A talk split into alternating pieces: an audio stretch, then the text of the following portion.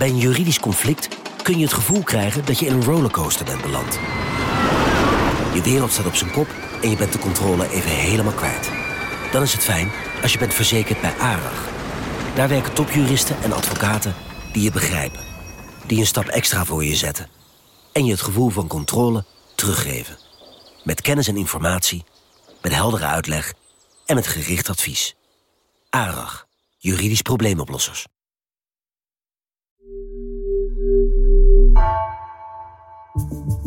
Vanaf de redactie van NRC het verhaal van vandaag.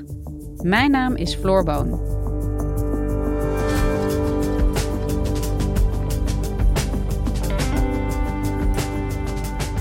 China heeft het coronavirus met strenge maatregelen bij iedere nieuwe besmetting nu goed onder controle. Maar juist omdat zo weinig mensen COVID-19 hebben gehad, is groepsimmuniteit nog ver weg, merkt China-correspondent Gary van Pinksteren. En met het vaccineren schiet het ook niet op. Is die eerste grote voorsprong van China nu een hindernis in het bedwingen van de pandemie?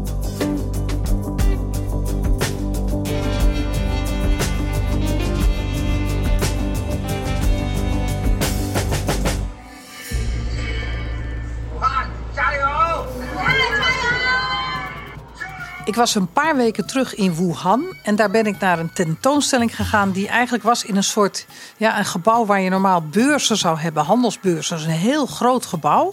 En het was een tentoonstelling over hoe Wuhan de corona had overwonnen. Uh, dus daar was ik wel benieuwd naar. hier is een heel ingenieus, mooi gemaakt hologram waarbij je uh, in het echt zie je een, uh, een intensive care ruimte, het bed daarvan en kastjes. Die staan er gewoon driedimensionaal op een podium. En daar overheen wordt dan geprojecteerd wat er uh, in, dit, in die intensive care gebeurde. De, de drukke actie van... Maar ook op een bepaalde manier heel onpersoonlijk. Heel, er waren heel veel mensen in uniform te zien. En mensen van het leger en allerlei mensen in uniform die erbij geholpen waren, hadden bij dat oplossen. Maar het was duidelijk eigenlijk uit die tentoonstelling. Het ging over wat de overheid had gedaan om dit op te lossen. En het ging niet zozeer over wat de bevolking had geleden of meegemaakt in Wuhan.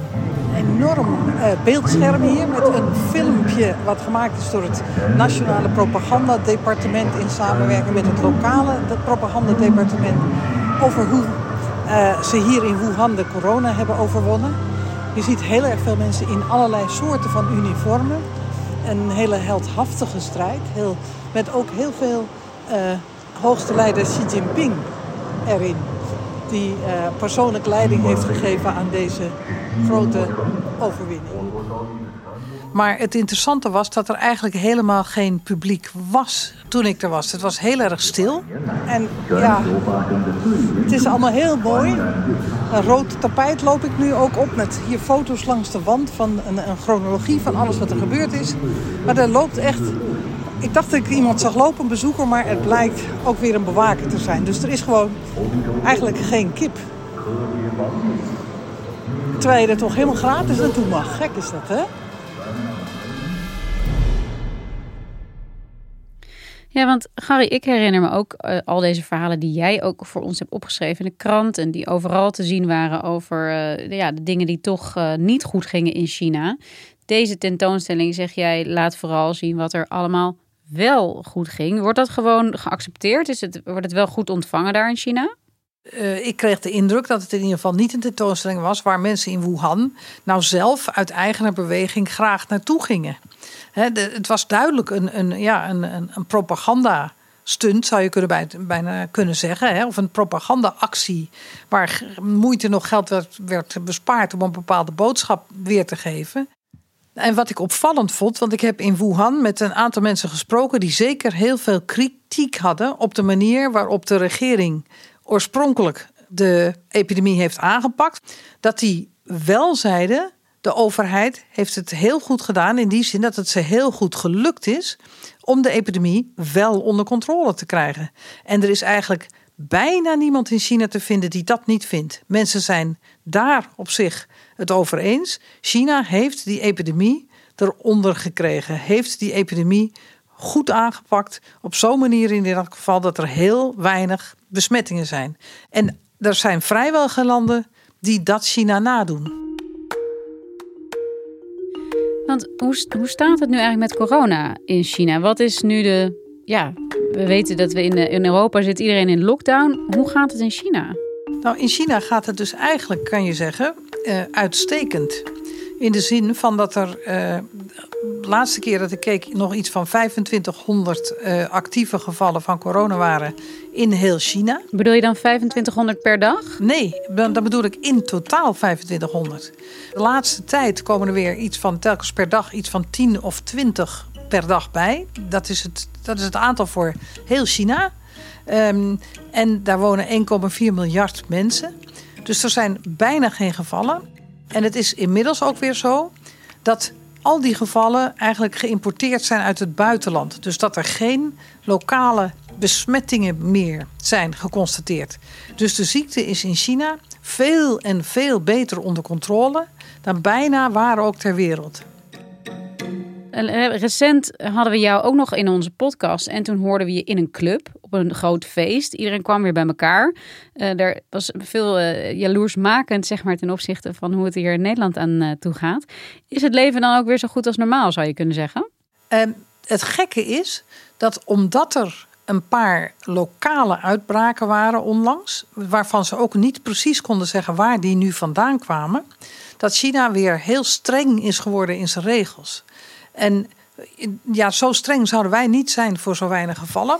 We should point out that new overnight, China reported its first new COVID-19 death since May. More than 22 million people have been ordered to remain inside their homes to combat this new outbreak. China's death toll is about 4,800 people, according to Johns Hopkins. By way of comparison, the United States reported more than 4,300 deaths on Tuesday of this week. And the total U.S. death toll is approaching 385,000. Guys, once again, just uh, kind of showing the difference in responses. 22 million people on lockdown because of their outbreak, which is a, an incredibly small number when you compare it to what we've seen here. It's just different ways that. Um... Maar het, China heeft er een hele andere bedoeling mee dan wij. Kijk, in China is het de bedoeling dat er uiteindelijk nul gevallen zullen zijn. En alles wat meer is dan nul is eigenlijk niet acceptabel. Dus het is niet de bedoeling om de gezondheidszorg te ontzien of om de ouderen te ontzien of dergelijke dingen meer. Het is echt de bedoeling om de ziekte in China helemaal uh, tot nul terug te brengen en daarna ook helemaal op nul te houden. En daarom wordt er, als, als er weinig gevallen zijn, vaak ook heel zwaar ingegrepen. Want uh, ik, ik sprak laatst een professor en die had uitgerekend dat voor elk coronageval in China, dus voor elke persoon die echt corona heeft gehad, dat daar 10.000 mensen voor in quarantaine zijn gegaan. 10.000 mensen? Ja, op één besmetting. En sowieso nu ook, hè, het wordt Chinees nieuwjaar. De 12 februari is het, eh, is het de, de eerste dag van het Chinese nieuwjaar. En er reizen nu 40 eh, nog maar van de mensen die er normaal zouden reizen. Dus er reizen 60 procent mensen minder omdat de overheid het zeer ontmoedigt. In China, armies of disinfection teams have been deployed to ramp up counter COVID measures at the start of the Lunar New Year period. The next 40 days usually sees the world's largest mass movement of people. Waarom ontmoedigt de overheid het? Omdat er een aantal lokale kleine uitbraken zijn geweest, waar weer onmiddellijk ook heel zwaar op is gereageerd met heel veel testen en heel veel lockdowns.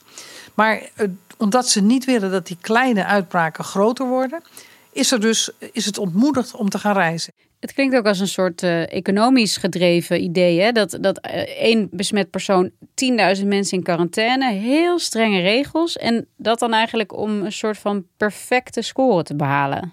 Ja, dat is het idee. En inderdaad, dezezelfde professor die dat had, heeft uitgezocht, die zei ook van ja, het is weliswaar heel uh, kostbaar en ingrijpend om 10.000 mensen uh, in quarantaine te zetten op één besmetting.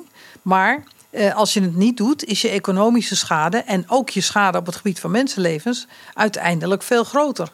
En blijf je ook veel langer in deze crisis zitten. Dus je moet het wel op deze manier aanpakken. Dat is, het is een goede manier. En ik denk dat veel uh, Chinezen het daar wel mee eens zijn. En wat denk jij, Gary? Is dit ook de route naar die nul besmettingen? Is, het, ja, is dit de manier om, uh, om te zorgen dat het helemaal uitgeroeid wordt, dat coronavirus daar? Nou, het lastige is dat als je helemaal geen besmettingen wil, dan moet je dus eindeloos hele strenge maatregelen blijven inzetten. China heeft nu zijn grenzen zo goed als dicht. Maar als China zijn grenzen weer open wil doen, ja, dan gaat het eigenlijk niet goed. Hè? Door dit beleid is het eigenlijk voor China zelf eigenlijk onmogelijk om de grenzen open te doen. Kijk, en het gekke is dat juist omdat China het zo goed doet en zo goed heeft gedaan met het aanpakken van die besmettingen en dus nauwelijks besmettingen heeft, dat China daar nu last van krijgt. En de last die China daarvan krijgt is dat er in China nul groepsimmuniteit is. Niemand heeft die ziekte nog gehad. En als er dus een, één geval is, kan, die, kan zo'n geval zich explosief eh, weer leiden tot een hele grote nieuwe uh, opvlamming van die epidemie. En dat moet je dan ten koste van alles blijven bestrijden. Uh, en wij in het Westen hebben er straks op een gegeven moment profijt van dat een deel van onze mensen die ziekte al heeft gehad. En daardoor, uh, ook als je niet de hele bevolking vaccineert, dat je toch een groepsimmuniteit krijgt. In China in China kan je niet bouwen op de groepsimmuniteit die er al is. En hoe zit het dan met het vaccinaties? Want hier zijn we ook eh, bezig met vaccineren. Dat wordt toch gezien als de uitweg en de route uit deze crisis. Hoe gaat dat in China? China is daar zeker ook mee bezig, is heel vroeg begonnen al met vaccineren.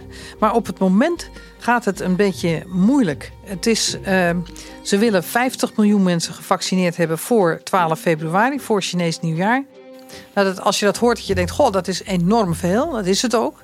Maar China heeft 1,4 miljard inwoners. Hè? Dus dan is het maar, als je 50 miljoen mensen zou inenten, is dat iets van 1 op de 28 maar. Dus is dat weer relatief weinig. Dat halen ze waarschijnlijk niet. En dat lijkt te komen omdat zowel de bevolking als de overheid onvoldoende urgentie voelt. Want er is in China nauwelijks corona. Dus waarom zou je zo hard lopen? Waarom zou je dit nu heel hard aanpakken? Er is geen ziekte. Waarom zou je laten vaccineren als je niet bang bent om ziek te worden? Dus China dreigt eigenlijk, soort, zou je kunnen zeggen, slachtoffer te worden van zijn aanvankelijke eerste succes door die, ja, door die aantal besmettingen al zo snel zo laag te krijgen. Ja, dat is precies wat er aan de hand is. En het is precies dus wat er kan gaan gebeuren in China. Hoeveel mensen zijn er nou nu precies gevaccineerd in China? Zijn die cijfers bekend? Ja, het, het laatste cijfer wat ik zag was iets van 24 miljoen mensen die hun eerste inenting hebben gehad. Dus nog niet de tweede, maar de eerste. Dus of dat lukt om dan die 50 miljoen voor 12 februari voor elkaar te krijgen, dat gebeurt waarschijnlijk niet. En het zijn er zeker niet genoeg die dan ingeënt zijn om bijvoorbeeld het reizen met Chinees nieuwjaar veilig te maken. Maar wat er na die 50 miljoen moet gebeuren, is nog een beetje onduidelijk. Maar dit is, lijkt me bij uitstek ook een taak van de overheid om een slim en strategisch vaccinatieprogramma en een strategie te ontwikkelen. Ja, maar die ligt er toch nog niet helemaal. Er wordt wel geïnventariseerd wie een injectie wil, maar het is toch niet duidelijk hoe ze dat gaan uitrollen. En dan weet je niet of dat komt omdat de overheid ook die urgentie niet zo heel sterk voelt. Of omdat er gewoon problemen zijn. Omdat het heel moeilijk is om zoveel vaccins zo snel te produceren. En dat ze dus gewoon geen beleid zo duidelijk kunnen maken nog. Omdat ze niet weten hoeveel vaccins ze uiteindelijk zullen hebben. Want welk vaccin gebruikt China? Ze hebben een, een vaccin wat door de, een Chinees staatsbedrijf is gemaakt. Van het Chinese staatsbedrijf Sinopharm. Die heeft twee verschillende vaccins, maar één daarvan wordt veel gebruikt. En dat is ook het vaccin wat officieel is goedgekeurd. En pas sinds kort is er ook een ander vaccin officieel goedgekeurd van, de, van het privébedrijf Sinovac.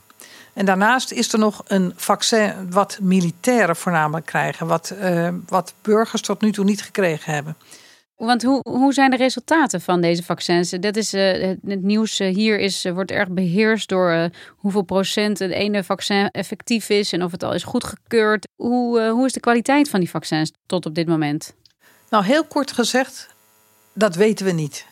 Want de testfase 3 van al die vaccins, hè, waarin je het op grotere groepen test. De resultaten van die testfases zijn van geen enkele van die vaccins nog volledig bekendgemaakt. Dus we weten het niet. Ze zijn niet gepubliceerd. Uh, en dat leidt tot een verwarrende situatie. Want uh, bijvoorbeeld dat Sinovac-vaccin, dat wordt gebruikt in Indonesië. Maar ook in Turkije is het ook getest, wordt het ook gebruikt. En in Brazilië. Maar Indonesië geeft bijvoorbeeld heel andere effectiviteitscijfers dan Brazilië. Brazilië spreekt van een effectiviteit van iets meer dan 50%. Maar Turkije bijvoorbeeld spreekt wel van 91% van datzelfde vaccin. Dus dat is heel gek. Hoe komt dat dan? Manufacturers have struck deals to supply 400 million doses to countries around the world, despite having not yet released final stage test results. More than 1 million people in China have received doses under the government's emergency program. Beijing insists they're effective. Dus uh, er is heel veel onduidelijkheid over. Dat het vaccin van Sinopharm, van het staatsbedrijf, daarvan wordt gezegd dat het 79% effectief zou zijn. Maar ook daarvan hebben we dus de resultaten niet gezien. Dus het blijft uiteindelijk een beetje schimmig. Maar het weerhoudt China er niet van om dat vaccin zelf te gebruiken en om het ook te exporteren. Die expert die ik sprak, die zei het duurt, dat hij schatte dat het meer dan twee jaar zal duren voordat heel China is ingeënt. En die zei ook, je moet namelijk elke Chinees inenten. Als je een effectiviteit van vaccins hebt die lager is dan 80%, wat ze in ieder geval allemaal hebben. En dat, als dat zo is, dan, dan moet je bijna iedereen vaccineren om groepsimmuniteit te krijgen. Omdat niemand ook nog van zichzelf enige immuniteit heeft. En wat denk jij, uh, Gary? Jij, jij, jij, woont daar, jij leeft daar, jij ziet wat het doet en ook eh, wat aan de ene kant de vrijheden zijn en tegelijkertijd wat de beperkingen zijn als er toch heel erg snel heel strenge maatregelen worden genomen bij een enkele uh, besmetting. Gaat China straks echt het beste jongetje van de klas zijn komende zomer en hebben ze het virus uitgeroeid? Of ja, bijt hier de slang in zijn eigen staart? Is heel moeilijk te zeggen nog. Kijk, uh, ik denk dat het helemaal uitroeien van het virus ook voor China eigenlijk niet mogelijk is. Tenzij, uh, tenzij echt voldoende mensen gevaccineerd zijn. Dus ik ben bang dat China vast blijft zitten in een cyclus van telkens weer een kleine uitbraak en dan weer een hele, hele zware maatregelen. En uh, dat China op deze manier nooit van slot kan. Dus dat China internationaal heel moeilijk open zal kunnen Tenzij de rest van de wereld uh, zo'n corona ook heeft aangepakt. En dat China anders nog heel lang uh, zich zal blijven afsluiten van de, van de buitenwereld. Zonder dat er in China zelf dan heel veel gevallen zijn. Dus ik denk dat in China zelf uh, de ziekte onder controle is en ook zal blijven. Maar dat China, de, de kans dat China zich snel weer zal openstellen voor de buitenwereld... dat er snel weer veel internationaal gereisd zal kunnen worden... dat zie ik niet gebeuren. Dankjewel, Gary. Graag gedaan. Je luisterde naar vandaag, een podcast van NRC. Eén verhaal, elke dag. Deze aflevering werd gemaakt door Anna Korterink en Jeppe van Kesteren. Chef van de audioredactie is Anne Moraal. Dit was vandaag. Morgen weer.